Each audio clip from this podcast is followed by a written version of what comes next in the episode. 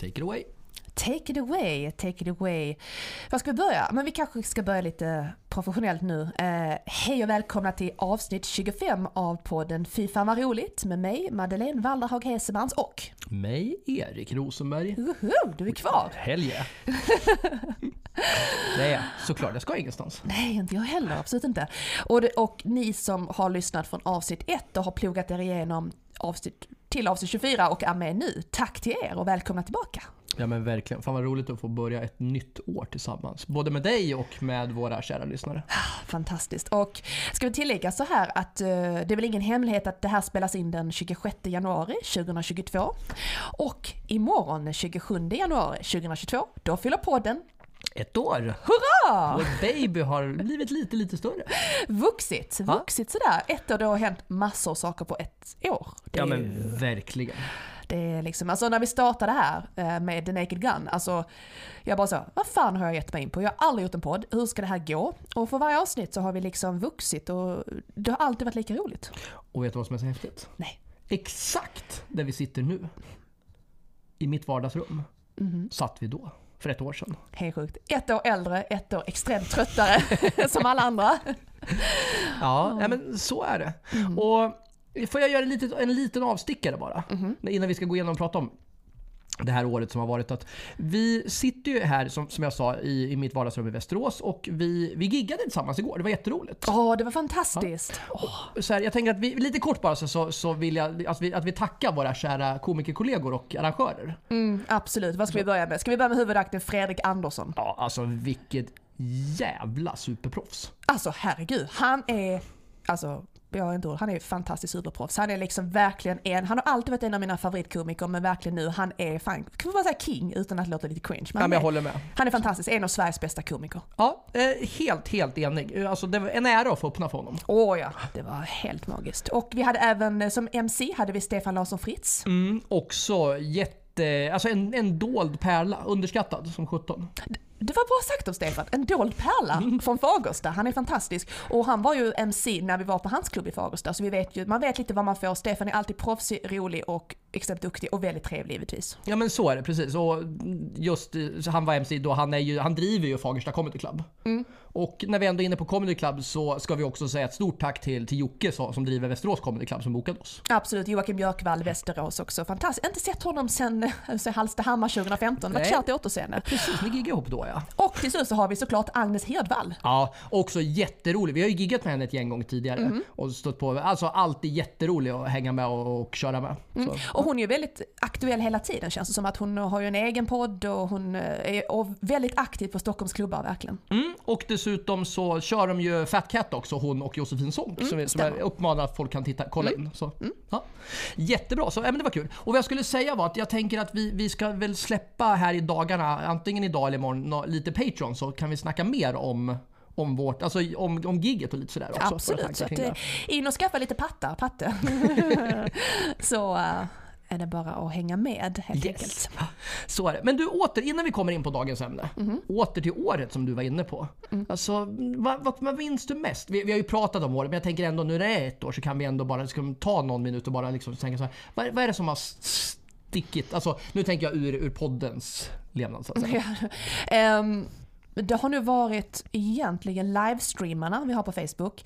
Alla inspelningar, men även när vi var live på Lund Comedy Festival, när vi hade vår första livepodd tillsammans. Det var, det var en fantastisk upplevelse. Jag har aldrig livepoddat förut och det var lika roligt som jag föreställde mig.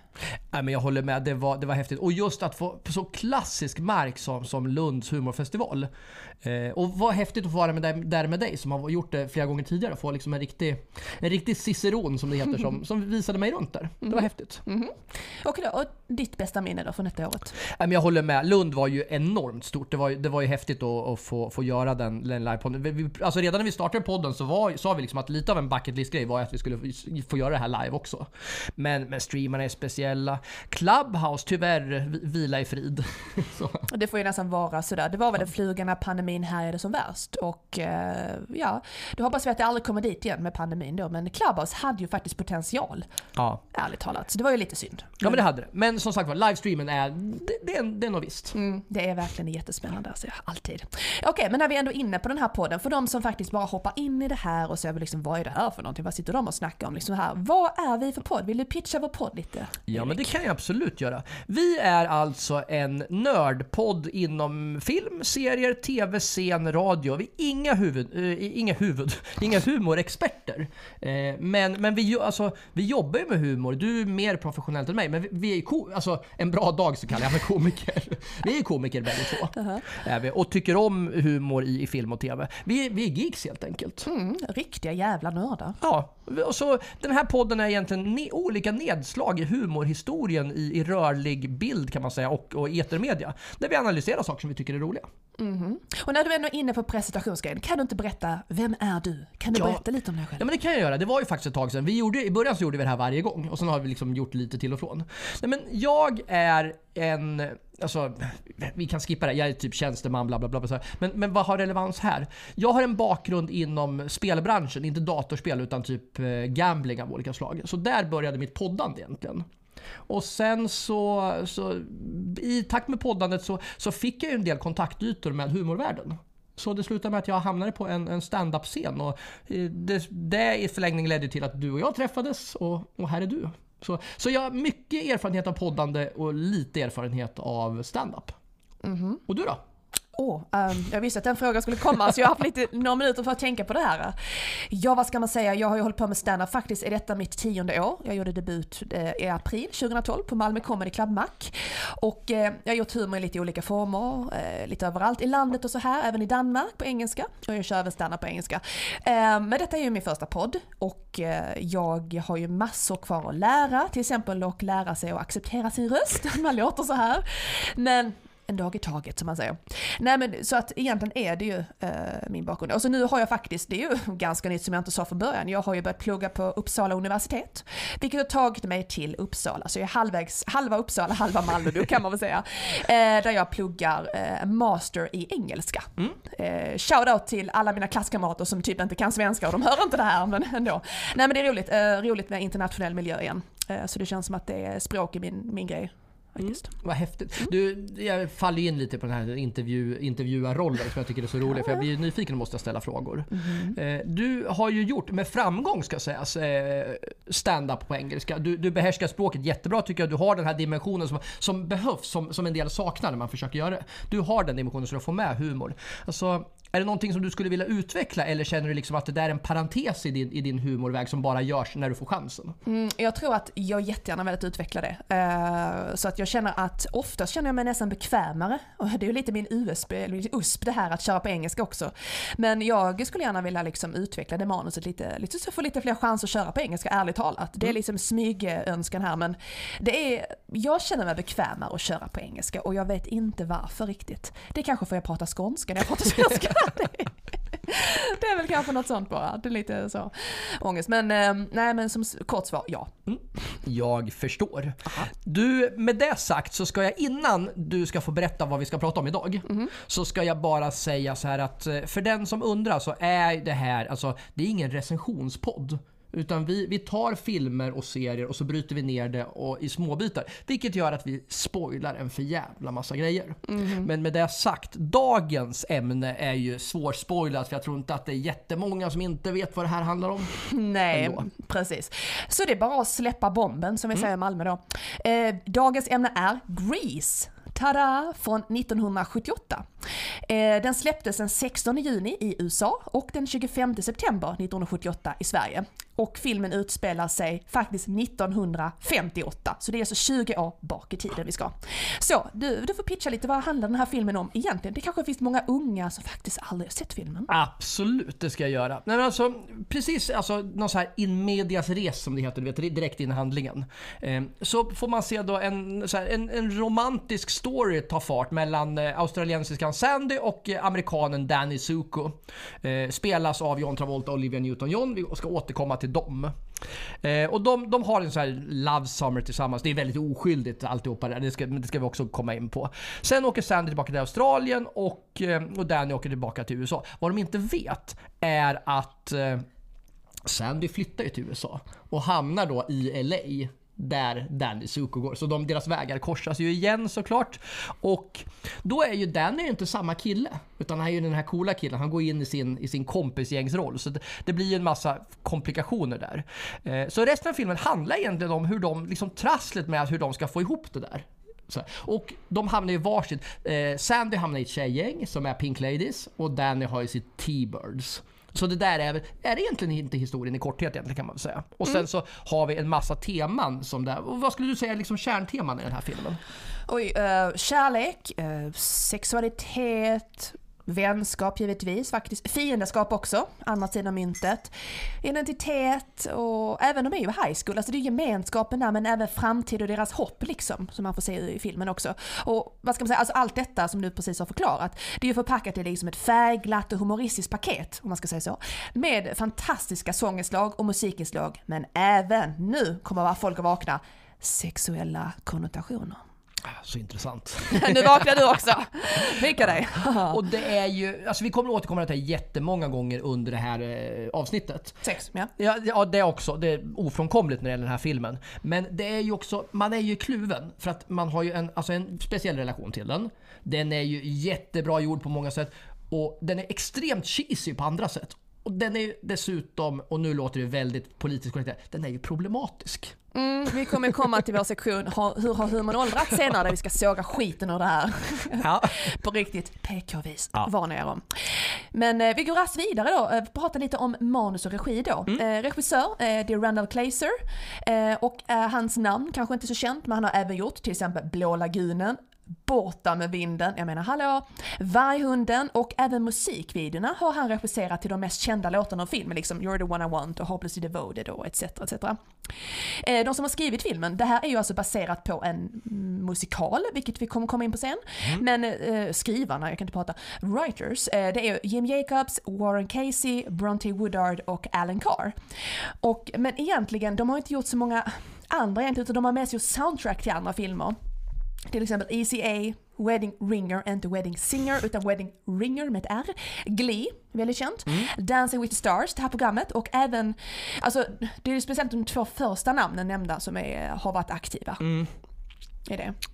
Men vad kännetecknar filmen? Vad skulle du säga är liksom det här, här är Grease, här har vi liksom Ja. ja men mer än något annat. Till och med folk som, som inte har sett den här filmen. För jag, jag tror ändå att det är fler än vad man tror som inte har sett filmen. Mm. Däremot jag, tänker, jag har svårt att tänka mig att det finns någon vuxen människa som inte har hört en låt från den här filmen. Minst en låt. Så jag skulle säga att musiken är ju det centrala här. Vad man än tycker om filmen så är det fantastiska låtar. Otroligt, otroligt bra, bra låtar. Och, alltså, häftig koreografi. Det är väldigt, väldigt färgglatt. Det är som att gå in i liksom en pastellvärld egentligen. Mm. Får jag göra bara en liten, lite kort parentes? Ja. Eh, en liten derail, för att quota dig. Eh, det är så här att i Edward Scissorhands av Tim Burton så är det att när de inte har de mest svarta scenerna med Edward, Edward då, så är det att när han kommer till den här byn så är det faktiskt påminnande om att det är väldigt pastelligt och väldigt färgglatt. Jag vet inte om du kommer ihåg det om du har sett filmen ens? I, nu när du säger det så ja. ligger det faktiskt en jättetydlig klocka i det här villaområdet. Ja, ja, exakt det jag tänkte faktiskt. på. Ja. ja, sorry, fortsätt. Nej men du, du har helt rätt. Det är jätte... Och väldigt mycket så här estetik från så moderna datorspel och sånt tycker jag som har kommit nu. Just med pastellandet mm. som är lite intressant. Ehm, och det leder oss till frågan, vad är det för genre på den här filmen? Det är jättesvårt. Men, men visst är det väl en musikal ändå? Det får man ju säga. Ja men det är väl just det här att varje scen där man bara så liksom, det, det är ju liksom ingen dokumentär, det är väl ingen vid sina fulla sinnesbruk som börjar sjunga mitt i alltihopa någonstans. Det hade varit roligt i och för sig.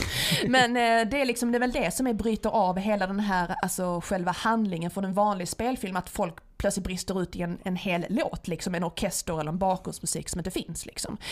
Men eh, där är ju lite så här drömmande scener också, så man tänker så här att det är lite fantasiaktigt eh, humor, eftersom det här är en humorpodd, det är väl, det är ju humor, vi kommer strax in på det. Ja. Men humor kan man väl säga, musikalhumor. Jo men det är en komedi, det skulle jag säga. Det är, det är en musikalkomedi skulle jag säga, eller en mm. komisk musikal kanske. Mm. Ja. ja. ja, det är nog bättre komisk musikal var ja. rätt ord. Ja, nej men jag, jag instämmer. Och då nästa så här fasta inslag som vi brukar prata om, som, som är ditt bord, det är ju vad är det för humor? Vad har vi identifierat för, för om man säger cornerstones inom humorn här? Ja men det kan du också. Som, det var nog du som påpekade det framförallt och det är ju det här extremt överdrivna skådespelet då. Och så det blir ju komiskt i sig liksom. Just, jag tycker nästan det är speciellt killarna eller T-Bird som verkligen är överdrivet liksom. Och, men faktiskt, vad många kanske inte vet, att det här är faktiskt en parodi på West Side Story. Ja, det är jättecoolt. Ja. Det är jättecoolt. Och jag hade inte en susning förrän du... Alltså, det är verkligen du vet, det klassiska uttrycket “då trillade poletten ner”. När du sa det bara “I'll be damned, det är klart att det är det”. Mm. Men du påpekar också det här med Travolta. Mm. Alltså han är ju, alltså, han skrattar ju mest hela tiden. Han har svårt, alltså, ibland känns det nästan som att han har svårt att hålla masken. Men samtidigt så är det så här, det kanske ska vara så han kanske får instruktioner om det. För jag tycker så här, hur överspelat än så tycker jag, jag tycker att han spelar bra i den här filmen. Fast det i, med liksom det i, i baktanke. Mm, jag håller med. Och det är ju egentligen, om man tittar väldigt noga så är det ju humor i de flesta scener. Det är ju en som, eller till exempel, Slapjoke, det är ju en scen med knicken när de ska ha det här racet, eh, Fun Road racet.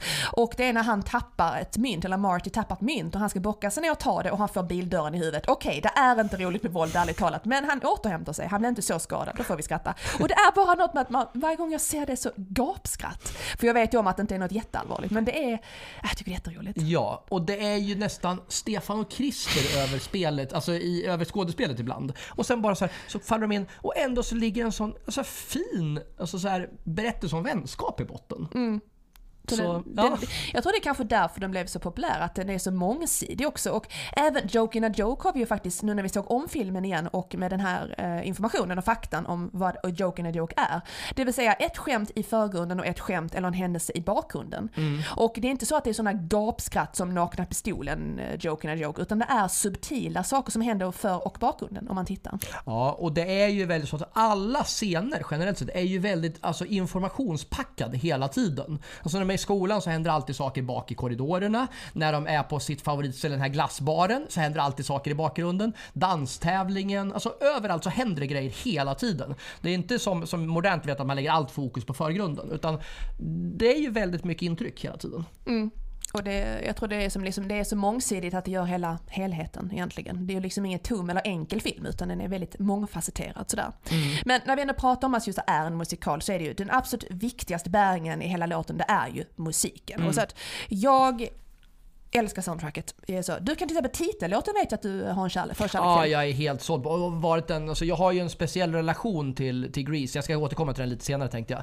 Men just titellåten har ju suttit ända sedan jag såg den här första gången jag var typ 9-10 år gammal. Och det är ju eh, Frankie Valli and the Four Seasons. Eh, alltså Frankie Valli heter ju han, men han är mest känd för sin band Four Seasons. Han sjunger ju då titellåten. Det här var hans sista stora hit fast han bara var typ under 40 när han spelade in den tror jag. Och han lever fortfarande Frankie Valli. Wow.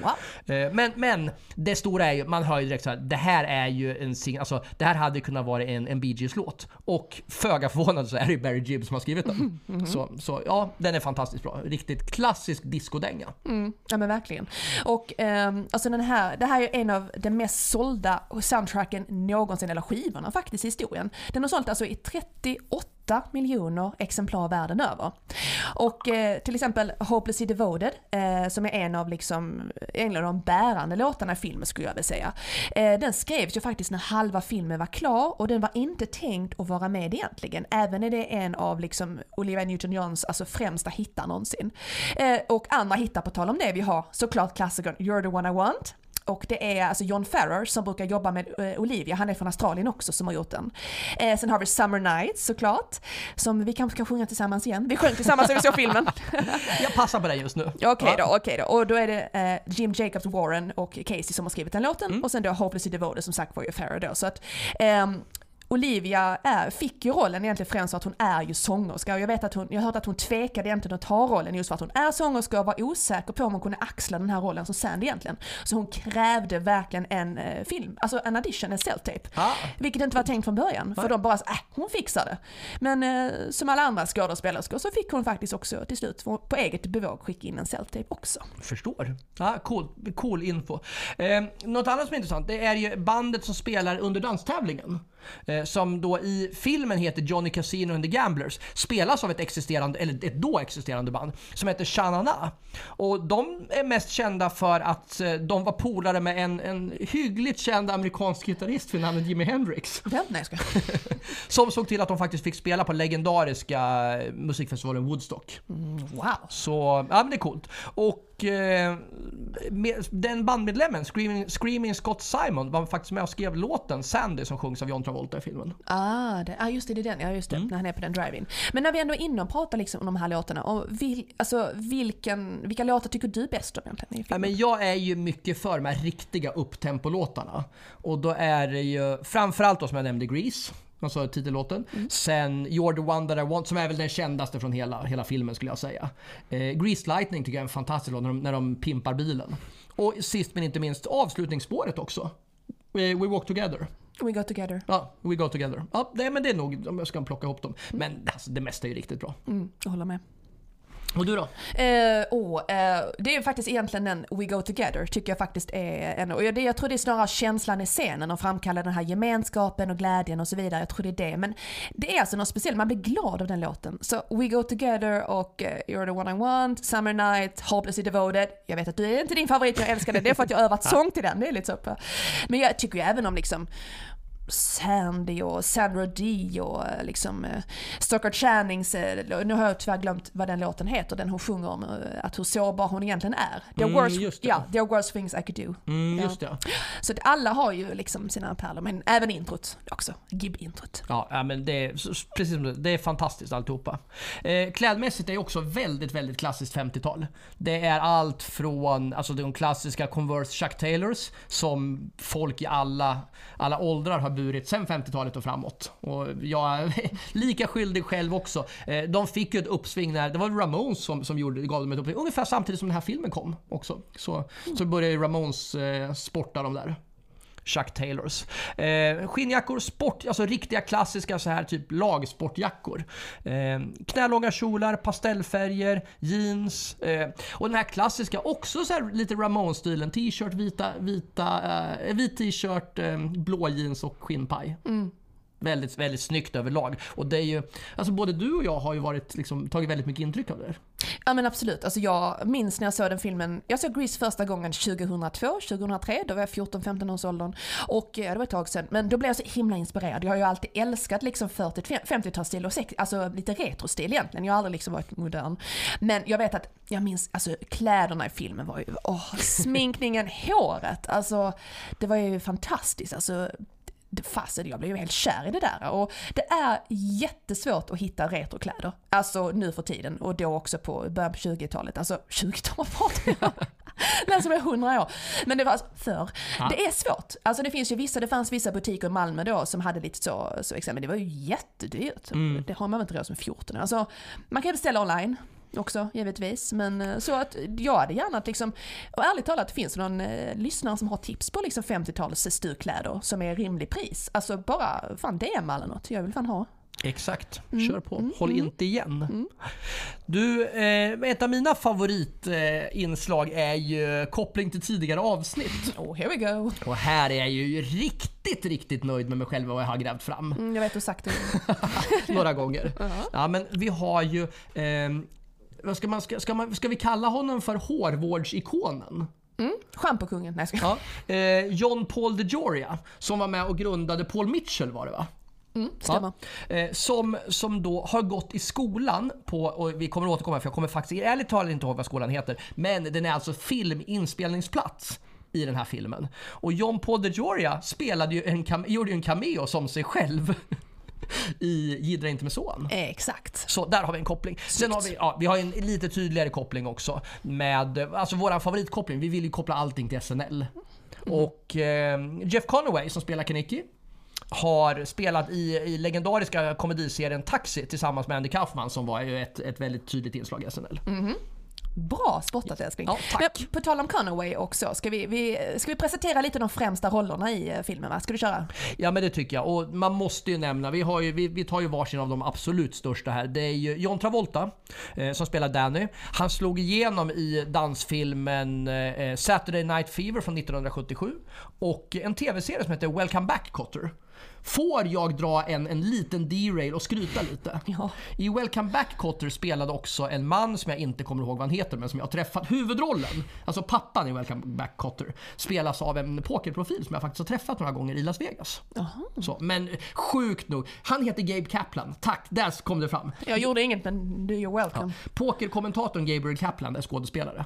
Och han spelar också huvudrollen i Welcome Back Pot- Potter, Co- Cotter tillsammans. Nu, har jag släppt, nu måste jag släppa det och gå vidare. ja, men alltså Travolta, vi kan ju sitta här, alltså vi skulle kunna ha ett avsnitt om bara Travolta.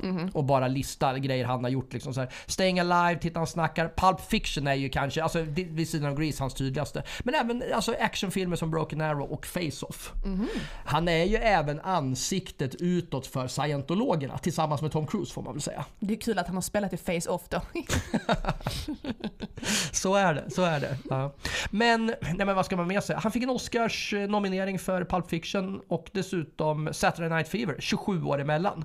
Sen otroligt tragiskt så har han alltså förlorat två av sina livskamrater får väl sägas eh, till bröstcancer. Först dog hans flickvän precis innan Grease spelades in. Och sen bara häromåret så, så gick ju hans eh, fru sedan många, många år tillbaka och även skådespelarkollega Kelly Preston bort. I, i, också i bröstcancer. Otroligt tragiskt. Alltså, så, har inte ord för det. Alltså trots han har ju ändå, det är många andra aspekter av hans liv som är faktiskt ganska tragiska, får vi säga, eller väldigt tragiska som vi inte ska gå in på, men det får jag ju liksom Hans karriär då, om vi ska se en positiv sak om hans liv, det har ju varit fantastiskt som du sa. Ja, Det är ju, han är så, och ja, tyvärr är han ju scientolog om man ska lägga värdering i det, men vad ska man göra? nej men så är det. Men, men jag vill också säga innan jag släpper Travolta så tycker jag att, jag tycker att Travolta är en väldigt bra skådis. Oh, alltså, oerhört karismatisk också. Mm, och väldigt mångsidig, Ja, verkligen. helt enig. Ja men vi går vidare till Olivia Newton-John då, såklart den kvinnliga Sandy då. Eh, och eh, hon är brittiska faktiskt. Eh, flyttade till Australien som femåring, återvände sedan till England igen som tonåring. Eh, hon, som vi sa tidigare, så hon, hon är ju inte skådespelerska sådär egentligen, så hon har lite, gjort lite andra roller också. Eh, flerfaldigt Grammy-belönad sångerska, eh, och, men Grease var egentligen hennes enda liksom, wow-filmroll, egentligen huvudroll sådär. Ja, och sen så har vi ju en som jag vet är din, en av dina stora favoriter i den här filmen, Stockard Channing. Spelar Rizzo. Eh, också precis som Travolta så eh, har hon också en Oscarsnominering i ryggen. Eh, för en film som heter Six Degrees of Separation som hon gjorde alltså 15 år efter Grease mot Will Smith. Där hon blev då nominerad för bästa kvinnliga huvudroll. Hon, hennes annars mest kända roll är ju som presidentfrun Abby Bartlett i West Wing, Vita huset på svenska. Där hon spelar mot eh, eh, Martin Sheen som spelar presidenten, Joshua Bartlett. Eh, där hon gör fantastiskt bra. Eh, där hon blev, fick en Emmy-vinst och hon har ytterligare 10 Emmy-nomineringar. Wow. Så det är coolt. För samma roll. Eh, Det är, wow, det är goals faktiskt. Yes. Eh, vi går vidare till då, som vi eh, talade om innan, Jeff Conaway då som spelar Kenicki. Tyvärr gick han ju bort 2011 till följd av ett väldigt mångårigt tablettmissbruk och troligen eh, så berodde faktiskt den här, alltså han var med om en olycka under inspelningen av Grease och det är eh, den här scenen med när de eh, hottar upp bilen. Eh, och då var det att en av dansarna där tappade faktiskt Kenicki från luften. Han landade olyckligt och blev sen beroende av eh, smärtstillande. Jag vet, vi ska inte sitta och namedroppa tabletter i den här podden för vi ska inte promota något sånt.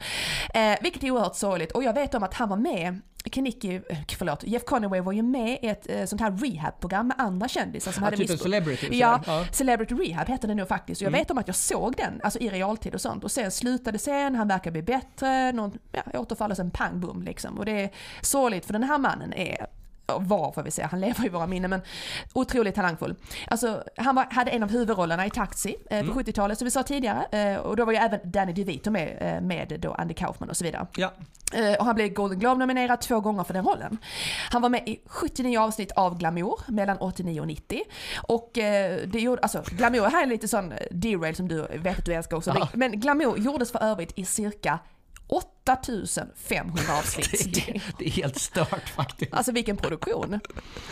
Ehm, och sen har jag även haft en framträdande roll i sci-fi-serien Babylon 5 då, mellan 94 och 98. Och han har ju varit väldigt aktiv på Broadway. Han är ju egentligen en Broadway-skådis från början, Jeff Conaway. Han är fantastisk dansare, sångare och skådespelare. Ja, Eh, en coolt. riktig förlust måste jag säga, men Ja. hans insats i Grease tycker jag är fantastisk. Du gjorde ju, får jag bara göra en, en liten koppling till, till Conway. Du gjorde en väldigt intressant liknelse. Vi har ju haft samma story tidigare tidigare ett avsnitt med Conway, med tablettmissbruket tänker jag. Mm, det stämmer. Det var med Chris Kattan och eh, hans eh, olycka i en SNL-inspelning som gjorde att han, han fick en hjärnskada, eller hjärnskakning, nu tyvärr minns jag inte exakt vad det var. Blev också beroende av smärtstillande på grund av en scen som gick snett. Så de som säger att skådespelaryrket är enkelt, think twice. Det är, så, och det är otroligt sorgligt eh, så här. Men eh, som tur är har vi Chris Kattan med oss, Tweety, och eh, han verkar ha liksom kommit på benen igen, vilket är skönt. Jag tänkte ta tre stycken eh, skådisar och bunta ihop dem.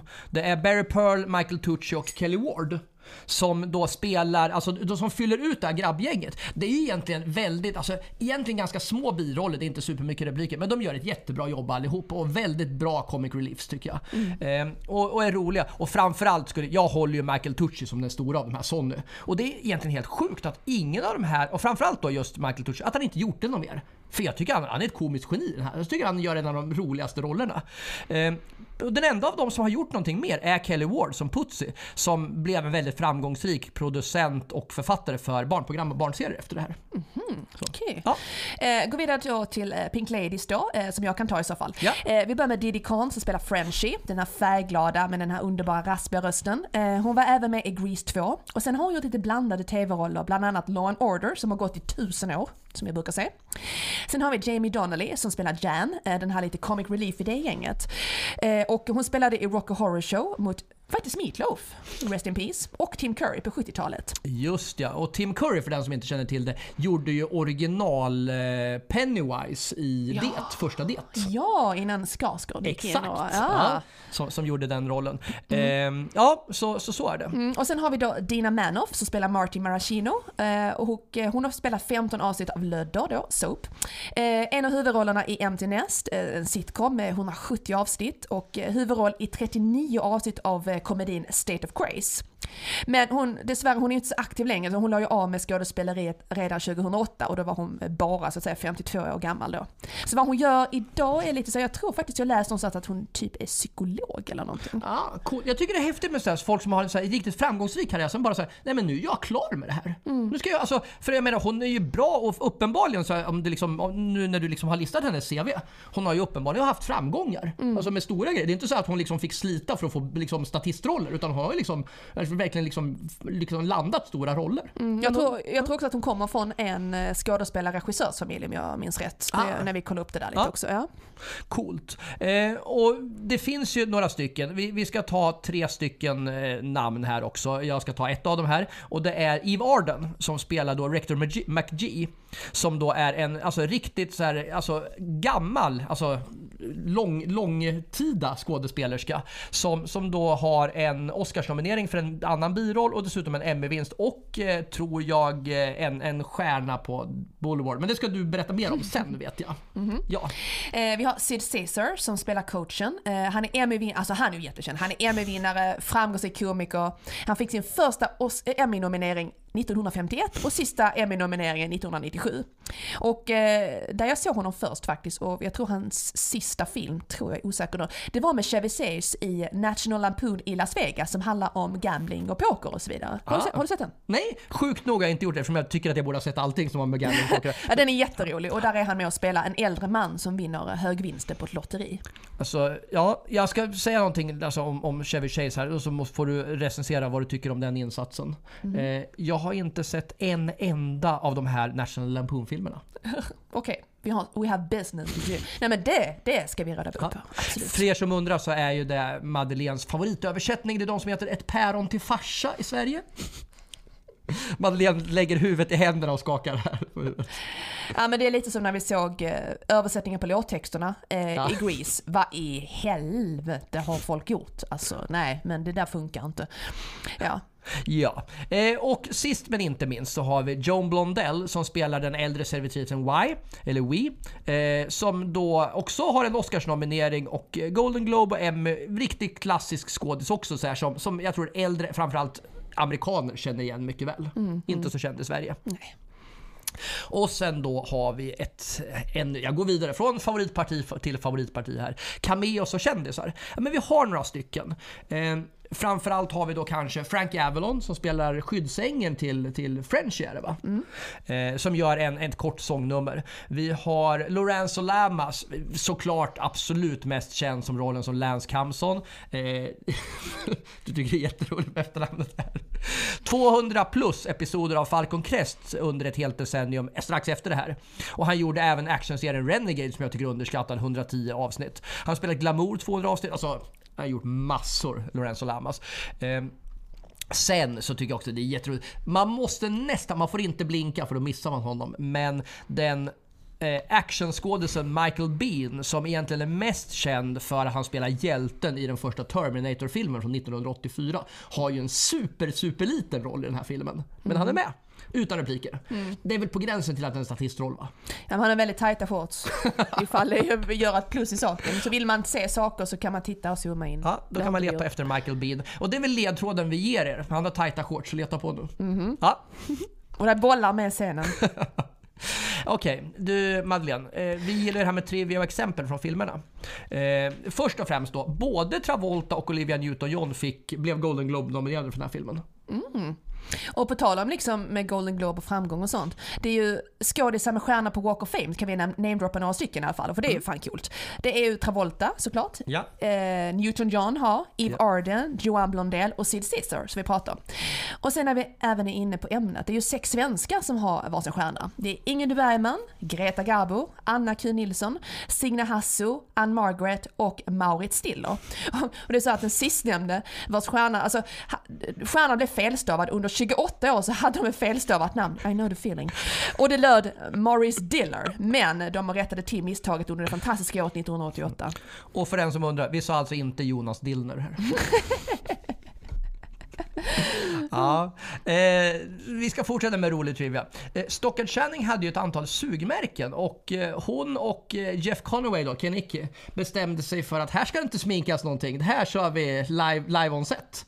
Så de eh, tryckte på dem där på, alltså genom klassisk, ja, ni som vet vet alltså. Så de, de körde helt enkelt klassiska hickeys.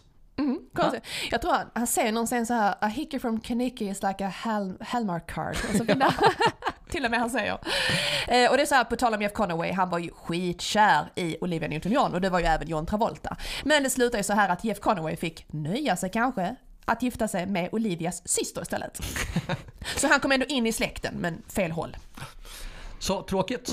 Och eh, den här låten som eh, Olivia sjunger, Hopelessly Devoted to You, den var ju, som vi sa innan så skulle den ju faktiskt inte varit med i filmen överhuvudtaget. Men den blev, den, tur de tog med den, för den blev faktiskt Oscar-nominerad. Fan, coolt. Och eh, intressant är att Carrie Fisher, var, som är mest känd som Eh, prinsessan Leia i Star Wars. jag tänkte precis säga det. Så är det. Eh, prinsessan Leia i Star Wars är ju alltså, alltså hennes, hennes absolut största roll, såklart. Eh, hon var alltså påtänkt som Sandy, alltså den rollen som Olivia Newton-John kör. Eh, men även också Mar- Marie Osmond från den klassiska sånger, sångarfamiljen Osmonds. Där, där Marie Osmond och hennes bror Donny var ju de mest kända, eller Danny. Donny Osmond. Donny, Donny, ja. Donny Osmond. Eh, men det var så här att hon tyckte inte... Marie Osmond var ju mormon och hade svårt med den här transitionen i slutet, vi ska återkomma till den, där Sandy blir en bad girl. Och dessutom så Henry Winkler, Fonzie i eh, Days of Our Lives va? Nej, Nej, inte eh, det. nej, eh, Gänget och jag, ja, förlåt. Ja, nej det är lugnt. Ja. nej men jag, gänget och jag, vänta här nu, stopp här nu. Han var, ja precis, han var The Fonz i alla fall. Ja, The Fonz. Jag tror att den heter, blev översatt, pratar Ja, tråkiga översättningar, ja. Mm. till gänget och jag. Ja.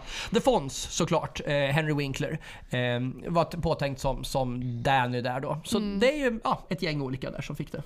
Ja, vi- pratade lite om, tillbaka till min favorit Jeff Conaway, att han var ju väldigt, eh, han har varit väldigt aktiv på Broadway också. Och han hade ju faktiskt redan spelat Danny Zuko i eh, Broadway-versionen av Grease innan filmen. Och då spelar han med Richard Gere och Patrick Swayze. Det är fan inte någon dålig merit alltså. Verkligen inte. Eh, även roligt att eh, John Travoltas syster Ellen, som är faktiskt till och med, hon är 15 år äldre än honom. Det är rätt stor åldersskillnad det där. syns inte Nej, filmen. det gör det inte. Hon har en statistroll också som servitris och har dykt upp eh, ett par gånger i, alltså i filmen. Två, åtminstone två klipp ser man henne i. Mm. Ja. Precis, och när vi, vi pratar lite här med ålder. Ja. Eh, det, det här är så intressant för att någonting jag inte reagerade på när jag såg filmen när jag var yngre, det var ju liksom alltså hur gamla, de ska spela 17-18 år Ja. liksom så här. Men åldrarna, alltså vi tänkte att vi skulle name, eh, åldersdroppa lite här hur gamla skådespelarna var när de spelade sina roller som 17-18-åringar. Okej. Eh, Olivia Newton-John är född 1948 och hon är alltså sex år äldre än Travolta. Och hur gammal, när är Travolta född då? Då är han född 1954 och var alltså 24 och respektive 30 år gamla var de när det här spelades in. Ja. Stockard Channing var 34 år när hon spelade in. Pink Ladies, Jan var 31, Frenchy 27 och Marty 32, äh, 22. Förlåt. Och sen har vi T-Birds där Kenicki var 28, Doody 28, Sonny 32 och Patsy 22. Och de skulle alltså spela 17 till 18-åringar. Och när man tittar på filmen nu, man ser att, eh, man ser att de är typ i min ålder allihopa. Så ja att, men eh, så är det. Och det roliga är så alltså att i den här filmen, alltså, för det där var ju, kommer jag ihåg, en väldigt stor snackis när Beverly Hills 90210 kom. Så var ju det en, en snackis om att de alltid, att de spelade så mycket äldre. Men framförallt då Andrea Zuckerman, Zuckerberg, Zuckerman eh, var ju typ, typ 35 när de skulle spela 18. Sådär. Och då blev det en snackis. Men i den här filmen så tycker jag, det här är en rolig grej. Alltså när man var liten och så, jag tänkte man inte på det. Nej. Och det är liksom så, jag tittar på 17, 18, ja okej, ja, det, det köper man liksom. Och det är ju kanske lite hopp om att, eh, ja, Ja. Man, man behöver ju inte alltid spela sin ålder men det där var ju ett ganska rejält gap kan man väl säga i ålderstycke faktiskt. Förutom Marty och Patsy då som var 22, det var ju ganska nära ändå. Sådär. Men det, det tycker jag faktiskt var fascinerande att se för att nu ser man verkligen det med andra ögon. Verkligen. Alltså, ja, men jag tycker det är, det är en cool detalj. Eh, något annat som är intressant, den hade ju kunnat bli ännu mer stjärntung den här filmen. För att det var ju faktiskt så att man hade ju klart, klart med Elvis att han skulle vara med i den här filmen. I en liten roll. Han skulle ha gjort den rollen som Frank Avalon fick göra. Det var väl, rätta mig om jag har fel, men visst blev han väl sjuk när han hade skrivit på kontraktet? Eh, Ja, han blev, det tror jag. Men Ja. grejen är det att det är så himla ironiskt. För att den här scenen när de har sin tjejövernattning då, eh, Pink Ladies, så sjunger de om Elvis och en bild på honom hela köret. Den spelades in samma dag han dog. Ja, det är sjukt. Alltså det är ju, jag vet inte, det är någon märklig universellt sammanträffande. Alltså, äh, otroligt, otroligt sjukt. Alltså, och, och just som sagt alltså, han blev kontrakterad men, men filmen är ju släppt efter hans död. Så, som du säger såklart eftersom den spelades in då. Men, men ja, så det hade ju kunnat blivit hans sista framträdande. Mm, det är exakt. Eh, skolan Rydell High är egentligen inspelad på tre olika skolor i Los Angeles. Fasaden är Venice High School, insidan är Huntington Park High School och fältet där de har sina idrottsgrejer det är John Marshall High School. Hunt- Och du, du, har ju kollat upp lite så här, det tycker jag var intressant, eh, lite trivia kring de här skolorna. Du kan väl nämna det lite? Ja, men Venice High då, som, som är fasaden, är ju egentligen mest känd alltså, i populär... Syns jättemycket olika grejer, men framförallt så är det ju Britney Spears eh, debuthit eh, Baby One More Time, där videon är inspelad då i just eh, Venice High. Som eh, Svennar har skrivit, Svennar, förlåt, Max Martin har skrivit Ja, bland annat. just ja, precis. Det är ju en klassisk, vad hette, vad hette studion där? Eh, Cheiron-studion. Jo, ja, mm, ja. Just ja. Eh, Huntington är ju, där gick faktiskt Tippi Hedren som spelar huvudrollen i Hitchcocks Fåglarna. Men framförallt är det John Marshall High School som jag pratade om där då John Paul DeJoria eh, gick. Men kanske den mest kända som har gått där är ju Leonardo Dica- DiCaprio. Gick på skolan. Leo! Yes. Ah. Eh, om vi återgår till den sista scenen, eh, det här We Go Together och den här You're the One I Want scenen, så är det den mest kända utstyrseln också på tal om kläder, det är ju eh, Sandys tajta byxor och det var så här att, eh, det här tror jag rätt många känner till, men blixtlåset i de här supertajta byxorna gick sönder. Så hon fick sys in i byxorna, och eh, vilket ledde till att hon kunde inte ens gå på toa, ingenting. Och som tur var så spelades den här scenen in på bara några eh, timmar faktiskt, samma dag, vilket är tur. För vanligtvis tar ju filminspelningar betydligt längre tid såklart, men det här var liksom väldigt komprimerat. Och det var väl tur det som kunde klippas ut ur byxorna sen. så sjukt. Eh, det är alltså, filmen ska ju också sägas att det är inte bara en kultrulle utan det var ju en kommersiell framgång också. Det var faktiskt den filmen som drog in mest pengar på biograferna under 1978.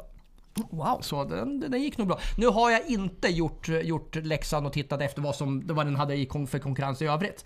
Men jag har för mig att slutet av 70-talet var bra överlag med mycket stora filmer som kom. Så. Det kan jag faktiskt tänka mig. Eh, och så, det är lite så roligt så här att eh, tala om liksom så vad som är okej med längder i filmer och hur långa skådespelare är egentligen.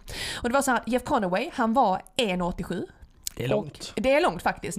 Och, men han fick faktiskt gå kutryggigt för att John Travolta, Han är alltså 1,88 och grejen var så här att John Travolta skulle ju verka längre. Så de har ju lite sån här sluttande, vad ska man säga, dålig hållning som vi har också. Ja men precis, de, går, de är lite slackers i, liksom hela approachen. Så. Ja men som oss, lite så Ja. slackers sådär liksom så. Och det är liksom så, alltså bara för liksom det visuella, att det skulle vara liksom att ledaren skulle vara längst. ja. Just den här klassiska härskarattributen så. Vi kan relatera som är 180 plus bägge två. Exakt, exakt. Ja, ehm, och det är roligt, den här filmen, det finns ju väldigt tydliga, har jag sett nu, eh, väldigt tydliga vibbar av flera James Dean-filmer. Framförallt eh, tycker jag att de har tagit väldigt mycket intryck av Ung Rebell, alltså Rebel Without, without a Cause. Där det finns, alltså några av scenerna är så här nästan, alltså, så här, den här ska vi ha med känns som de har sagt. Och så gör de en egen variant på den. Väldigt, väldigt snyggt. Och även, alltså tilltalet, alltså den här estetiken i mode och så, är ju extremt mycket från James Deans tid. Ja, det är en katt som ni hör i bakgrunden. Som kapslar lite. Jag tänker inte klippa bort det där. Nej, det är jättegulligt. Det är Va? mysigt. Mm. Och sen har vi lite så här, vi har också lite sådär omtalade scener vi brukar prata om lite kort. Alltså Mm. scener vi tycker är liksom så spännande och bra. Ja. Eh, och en av mina favoriter är när tjejerna har övernattning tillsammans och just se den här gemenskapen de har. Och jag tycker det är mysigt och roligt att se allt de gör tillsammans. Liksom att de testar och att de liksom eh, försöker få med Sandy att hon ska vara med liksom i gänget. Så jag tycker det är jättemysigt att se. Ja, men, och den är ju central skulle jag säga för, liksom, för själva narrativet i filmen. Hur, liksom, vad, vad som händer, liksom, att de bygger upp saker. Mm, och just det, att de kommer återgå till det här som vi ska prata om senare också, det här med Sandys transformation. Jag tror att den scenen och händelserna i den bidrar till hennes vilja att förändras och bli en av dem. För hon inser tyvärr att hon, vi ska gå in på det sen, men att hon inte räcker till riktigt som hon är när hon är snäll och pryd, vilket ja, det är en extremt märklig signal. Men även den här låten, Look at me I'm Sandra Dee tycker jag är eh, också fantastiskt bra. Jag tycker den är rolig att de namedroppar, som vi sa innan Elvis till exempel, och olika kända namn vid den tiden. Och där är väldigt snyggt tycker jag. För när de sjunger den, alltså när, när Rizzo sjunger, Stockholm Channing sjunger den och att hon återkopplar sen. Att det liksom blir en, alltså en, att de knyter ihop den igen sen. Mm, tycker det också. Eh, och sen också, som jag sa innan, min favorit sen är ju den här We Go Together och det är alltså ett jävla mästerverk. Allt från, vi, vi reagerar på det när vi såg den tillsammans igen. Eh, koreografin till exempel, färgerna, kläderna, musiken, låten, samspelet, gemenskapen, den här glädjen att okej de kommer att sluta men de kommer att hålla ihop liksom för evigt. Alltså glädjen går rakt igenom rutan och ibland bara hör, fan jag vill bli på bra humör så, och så sätter jag igång den här låten, bara, så här liksom. Det, jag tycker att den är, jag älskar den scenen och så gillar jag att det är så färgglatt och mysigt. Mm. Ja, men jag håller med, jag tycker den är skitsnygg. Och en av favoritlåtarna också. Mm. Ehm, jag vill också lyfta fram Street Racing-scenen. Du pratade om den tidigare, där, där de refererar till eh, Thunder Road. Mm. Och för den som undrar, känner igen det så man känner mig ändå Springsteens eh, låt Thunder Road. Den kom tre år tidigare. Så det är inte, de har inte kopplingar. Eh, De kan ju ha hämtat från samma, det är en gammal Robert Mitchum-film som heter Thunder Road. Men den är inspelad i LA River Basin, alltså reservoaren i, i Los Angeles. Som också är alltså, klassiskt eh, alltså, ställe i LA, men också klassiskt filminspelningsställe. Och jag av många filmer som har spelats in scener där skulle jag vilja lyfta, lyfta, lyfta fram två. Dels då Christopher Nolans fantastiska Batman-film Dark Knight Rises med eh, heter Christian Bale. Men även eh, Terminator 2, alltså Arnold Schwarzeneggers actionfilm. Vi var inne lite på Terminator och Michael Biehn, så där har vi liksom en, en lite cirkel, cirkelslutning här. Ja. Så finns det en, en del av biljakten eh, där också. Sen, jätteroligt, eh, en jättelång avstickare. Den, den gamla klassiker-krigsfilmen På västfronten intet nytt, All is quiet on the eastern front, är Alltså inspelad, har man inspelat en del av krigsscenerna som ska utspelas i Europa i alltså reservoaren i LA. Har Och ingen aning. Visst är det väl så att det finns mycket, mycket alltså, klassiska vyer, Los Angeles. Det är en typisk LA-film där. Det tänkte man inte heller på som liten. Nej men, det är så- ja, men precis, det är därför det är värt att se om filmer liksom. Mm. Sen har vi även danstävlingen då som är, det är alltså, jag har alltid tyckt att den har varit lite tråkig ärligt talat till en början när man var yngre för att den var så lång och den var så lång och liksom det var bara dans och dans och det var liksom inga repliker och händelser och sånt. Men den är ju så fascinerande, dels är det ju inte bara alltså, modet och se alla klänningar och liksom kostymer. Utan det är låtarna, olika liksom, det är dramat som utspelar sig med tävlingen och vad som händer och sånt. Och en fråga som jag aldrig, eller vi inte fattar. Till exempel så här, alltså det är ju en i slutet innan Danny vinner danstävlingen tillsammans med Chacha Annette då, som ser ut att vara 100 år i filmen för övrigt. Ehm, så är det så här att Sonny, alltså en T-Bird, plockar bort eh, Sandy. Och, alltså jag bara så, och låter då Annette Chacha komma in och vinna med Danny. Men varför? Är inte Sonny på Olivias, alltså Sandys sida? Vad vad har- jag alltså, kan? Nej men jag håller med. De har inte, ingenstans i filmen så har de planterat någonting som, som, gör, som motiverar den, den handlingen. Jag menar, alltså är det så hemligt att Sonny inte tycker om eh, Sandy eller vadå liksom? Eller är, det, är han liksom värvad av han Scorpions-killen också? Eller där som är Annettes pojke? Alltså jag fattar ingenting. Du fattar heller inget? Nej jag fattar det. Och det där tänkte man inte heller på när man men nu bara så här, det där är, that doesn't make sense. Nej, det måste vara, eller så är det något man får se filmen och läsa av. Något och sånt där. Men ska vi gå vidare då raskt till eh, diskussionerna Ja. som vi har då? Take it away. Yes, ja men då börjar vi med det mest uppenbara som jag har lite, faktiskt ett litet issue med nu som äldre. Alltså jag tycker det är fantastiskt roligt att se makeovers och glow-ups och sånt här och det är väldigt modernt på TikTok och liknande och kollat med så snygg jag har blivit, nu jag var ful innan och så vidare. Men grejen är så här att, alltså Sandys transformation, nu är frågan så. Är det då inte okej att vara snäll och pryd och duktig och inte vilja pierca öronen och så vidare? Så måste man då passa in i ett gäng, måste allas vara Pink Ladies likadana då? Eller så kan man säga det så här, kommer hon ut ur sitt skal och blir inspirerad av de här tjejerna Rizzo? Eller känner hon att hon måste tuffa upp sig för att kunna överleva då resten av sitt liv? Att hon det funkar inte riktigt att vara jättesnäll alltid utan hon måste hitta den, eh, vad ska man säga, Madonna-sidan i sig själv. Alltså det kanske är en del av hennes personlighet, du får avbryta om du behöver somna.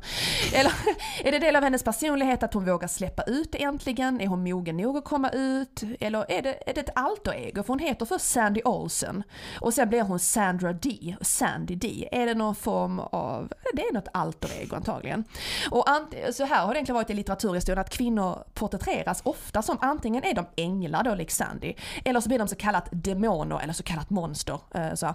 Att de liksom blir en eh, Alltså det blir alltid antingen svart eller vitt liksom, att de blir en, en rauchy version liksom, att man blir liksom en Madonna. Det är lite där, vi- oskulden och Madonna. Visst är det hor, hora madonna-fenomenet Ja, som det kallas för liksom, liksom sådär. Så, ja.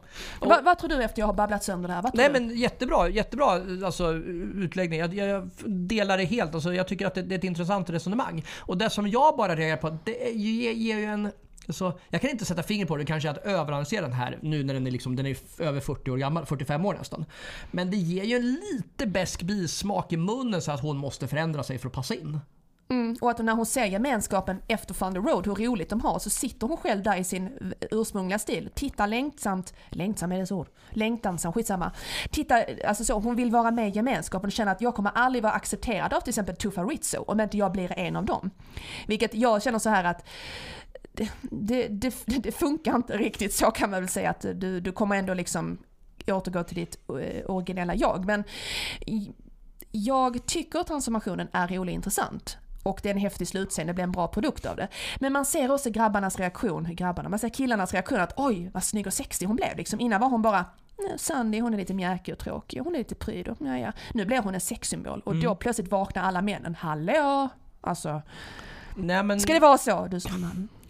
Det- Alltså det var, skulle väl vara så då tänker jag. Mm. Då var det väl inte så ifrågasatt. Och när vi ändå är inne på det så är det ju också Alltså tidsandan. Alltså hela det här gänget då med grabbarna, alltså framförallt då Kenicki och Danny Zuko, alltså Travolta och Canaway. Alltså det är väldigt mycket no homo grejer här. Alltså väldigt mycket homofobiska, alltså de är ju svinrädda, alltså den här manliga beröringsskräcken. Här får vi inte kramas för det är ju, det är ju gay överhuvudtaget tycker de. Och, men samtidigt så skildras ju deras vänskap väldigt fint. Och på något sätt så är det liksom så här att jag vet inte om det, om det är medvetet. Jag förstår fortfarande inte om, om typ de där, alltså, de som har gjort filmen.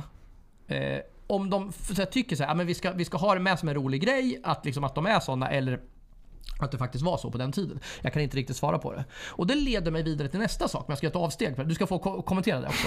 Men avsteget här är att för första gången, alltså jag tror jag har sett den här filmen, utan att överdriva, 30-40 gånger.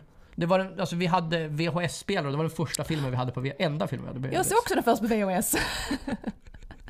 Som antagligen många andra trodde där vi började. Yes, Nej, men vi hade en, en piratkopia på, på den där. Och, och tittade på den om och om igen. Men när vi så, du och jag såg den här om dagen så var det första gången som jag faktiskt, alltså sjukt nog reagerade på så här. Fan, Travolta är ju så jävla oskön i hela filmen. Han blir ju aldrig liksom så här. Han, han, han genomgår ju ingen katarsis som liksom någonstans här blir typ en good guy. Det enda som händer det är att han, för att eh, Sandy blir kär i den här eh, Lorenzo Lamas, den här killen som faktiskt, vill säga han har det var vi pratade om. Han har bara en replik som är ett ljud. Uh. Ja, det är hans replik.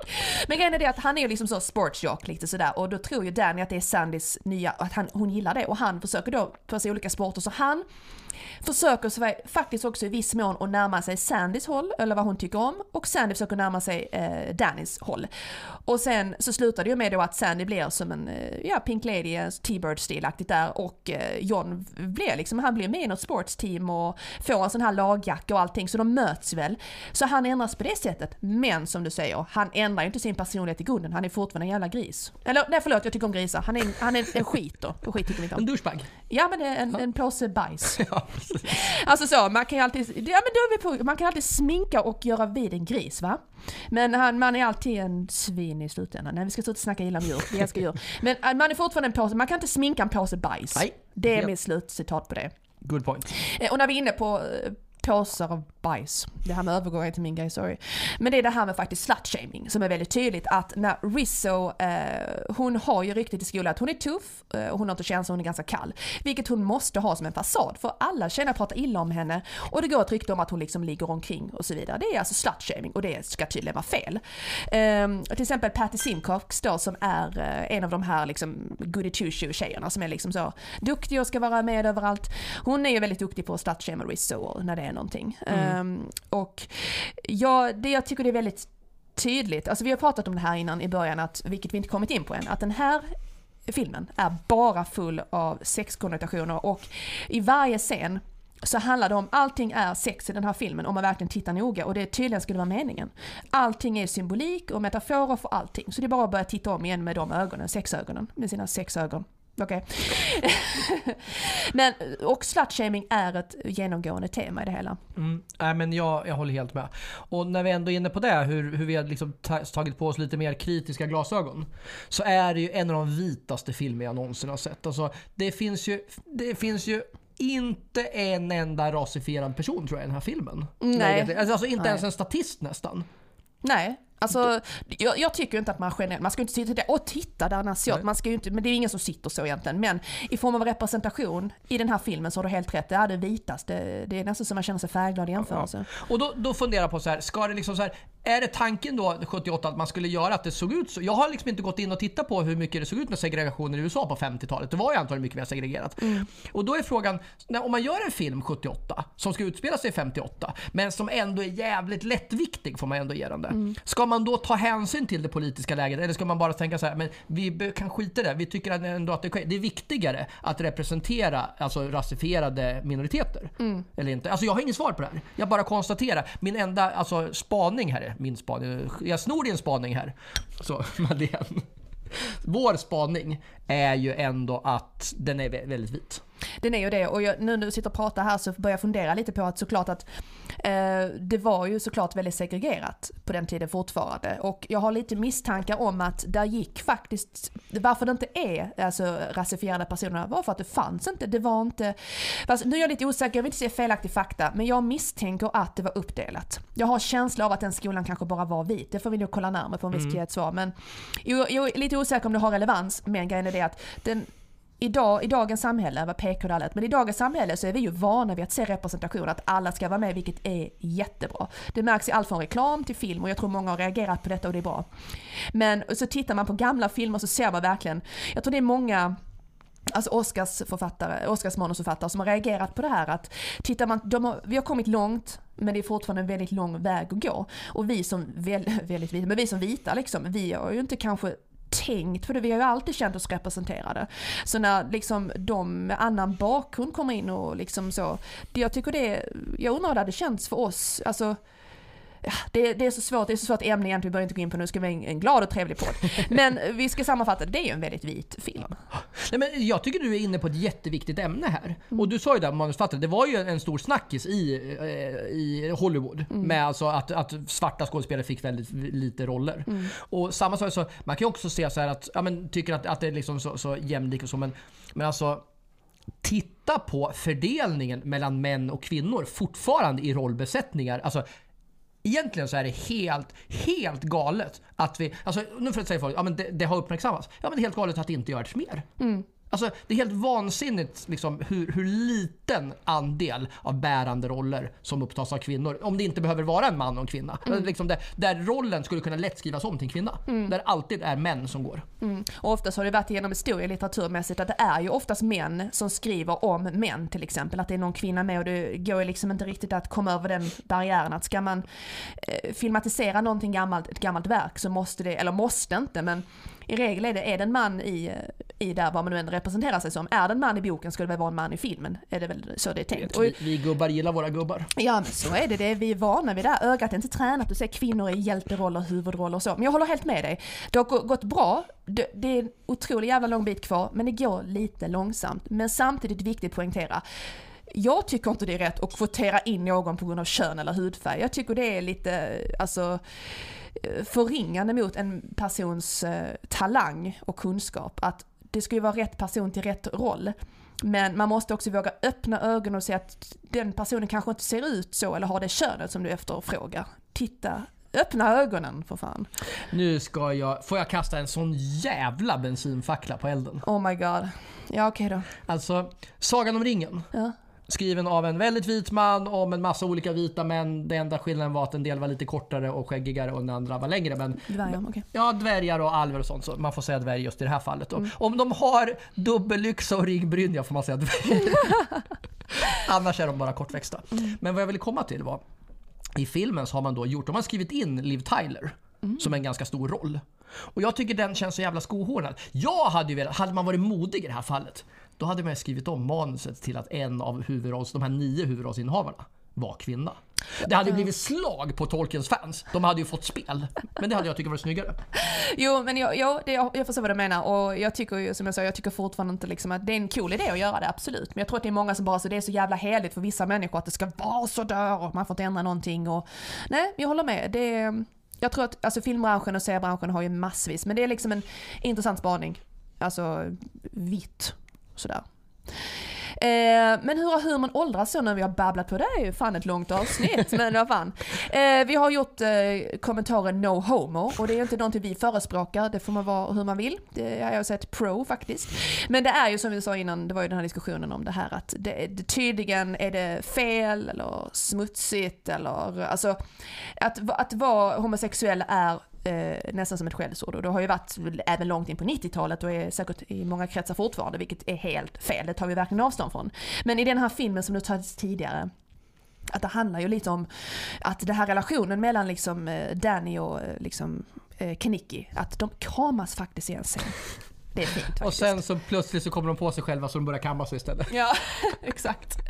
Ja, men, ja, men jag håller med dig. Sen är det ju väldigt, väldigt, väldigt könsstereotypt. Ja, jo. Kvinnor Bara är kvinnor och män är män här. pink ladies, hallå? Vilket jag tror är ett, en symbol för något annat. Pink. Lady. Okej. Ja. Då har du något att tänka på va? Ja, helga. Ja.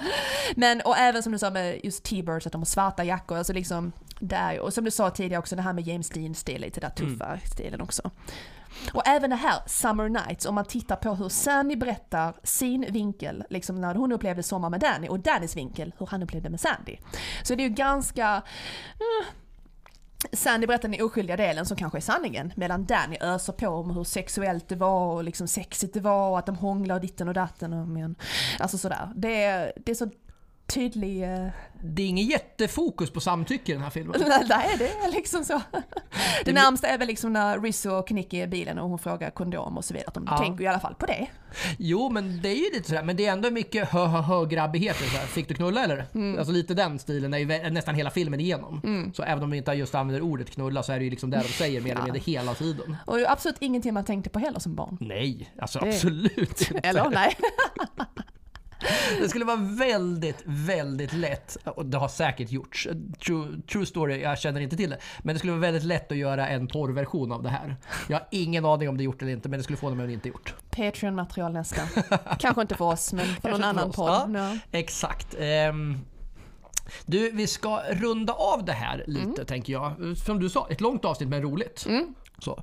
Och då tänker jag så här, vart, vart eh, hittar man den här filmen då? Eh, det gör man på framförallt på Netflix så ligger den ute. Men eh, det är mycket svårt att tänka mig att det inte... Det går nog absolut att beställa på Amazon eller eh, CD-ON eller något annat ställe också. Om man, om man nu vill ha det på någon sorts eh, hårdvaruskiva som DVD eller något sånt där. Mm. Kanske till och med en VHS om du letar i på Blocket eller något sånt där. Någonstans. Om du vill ha den riktiga klassikern. Men den finns fortfarande att se på Netflix för den som har den och det har ju de flesta tror jag. Mm-mm. Så. Och sen är, vi får ju pitcha lite våra sociala medier fortfarande. Mm. Eh, ska du göra det? Ja, men jag tänkte att jag kan börja med Patreon. Som vi har nämnt tidigare. Som då är vår gräsrotsfinansiering. Vi gör det här helt ideellt. Vi tycker det är fantastiskt roligt. Men ibland så behövs det en kabel, en tågresa. Vi planerar att eh, närvara på Lund- Lunds humorfestival kommande år. Och så. Ja, men vi har ju lite omkostnader ändå. Och vill man supporta det så går det alldeles utmärkt. Patreon.com slash fan vad roligt. Och så kan man ge en valfri summa pengar. Och ger man minst 3 dollar i månaden så får man del av vårt Patreon-material.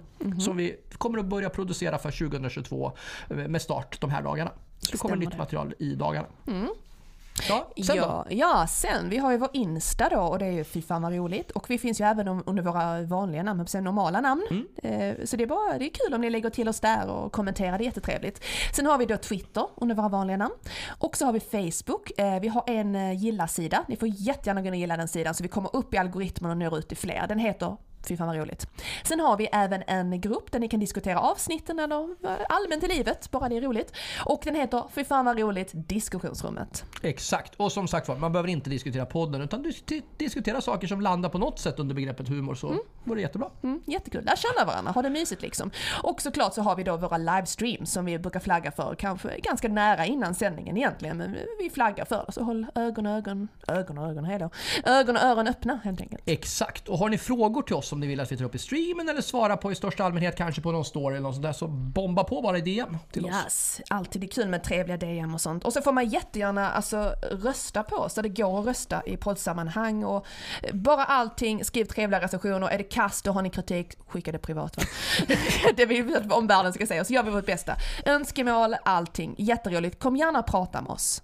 Och håll avstånd. Men kom gärna och prata med oss, det är kul. Vi älskar att prata som ni hör. Det gör vi. Ja. Och, eh, och det gäller framförallt om vi dyker upp på en scen någonstans och, och kör antingen livepodd eller stand-up. Prata med oss. Yes.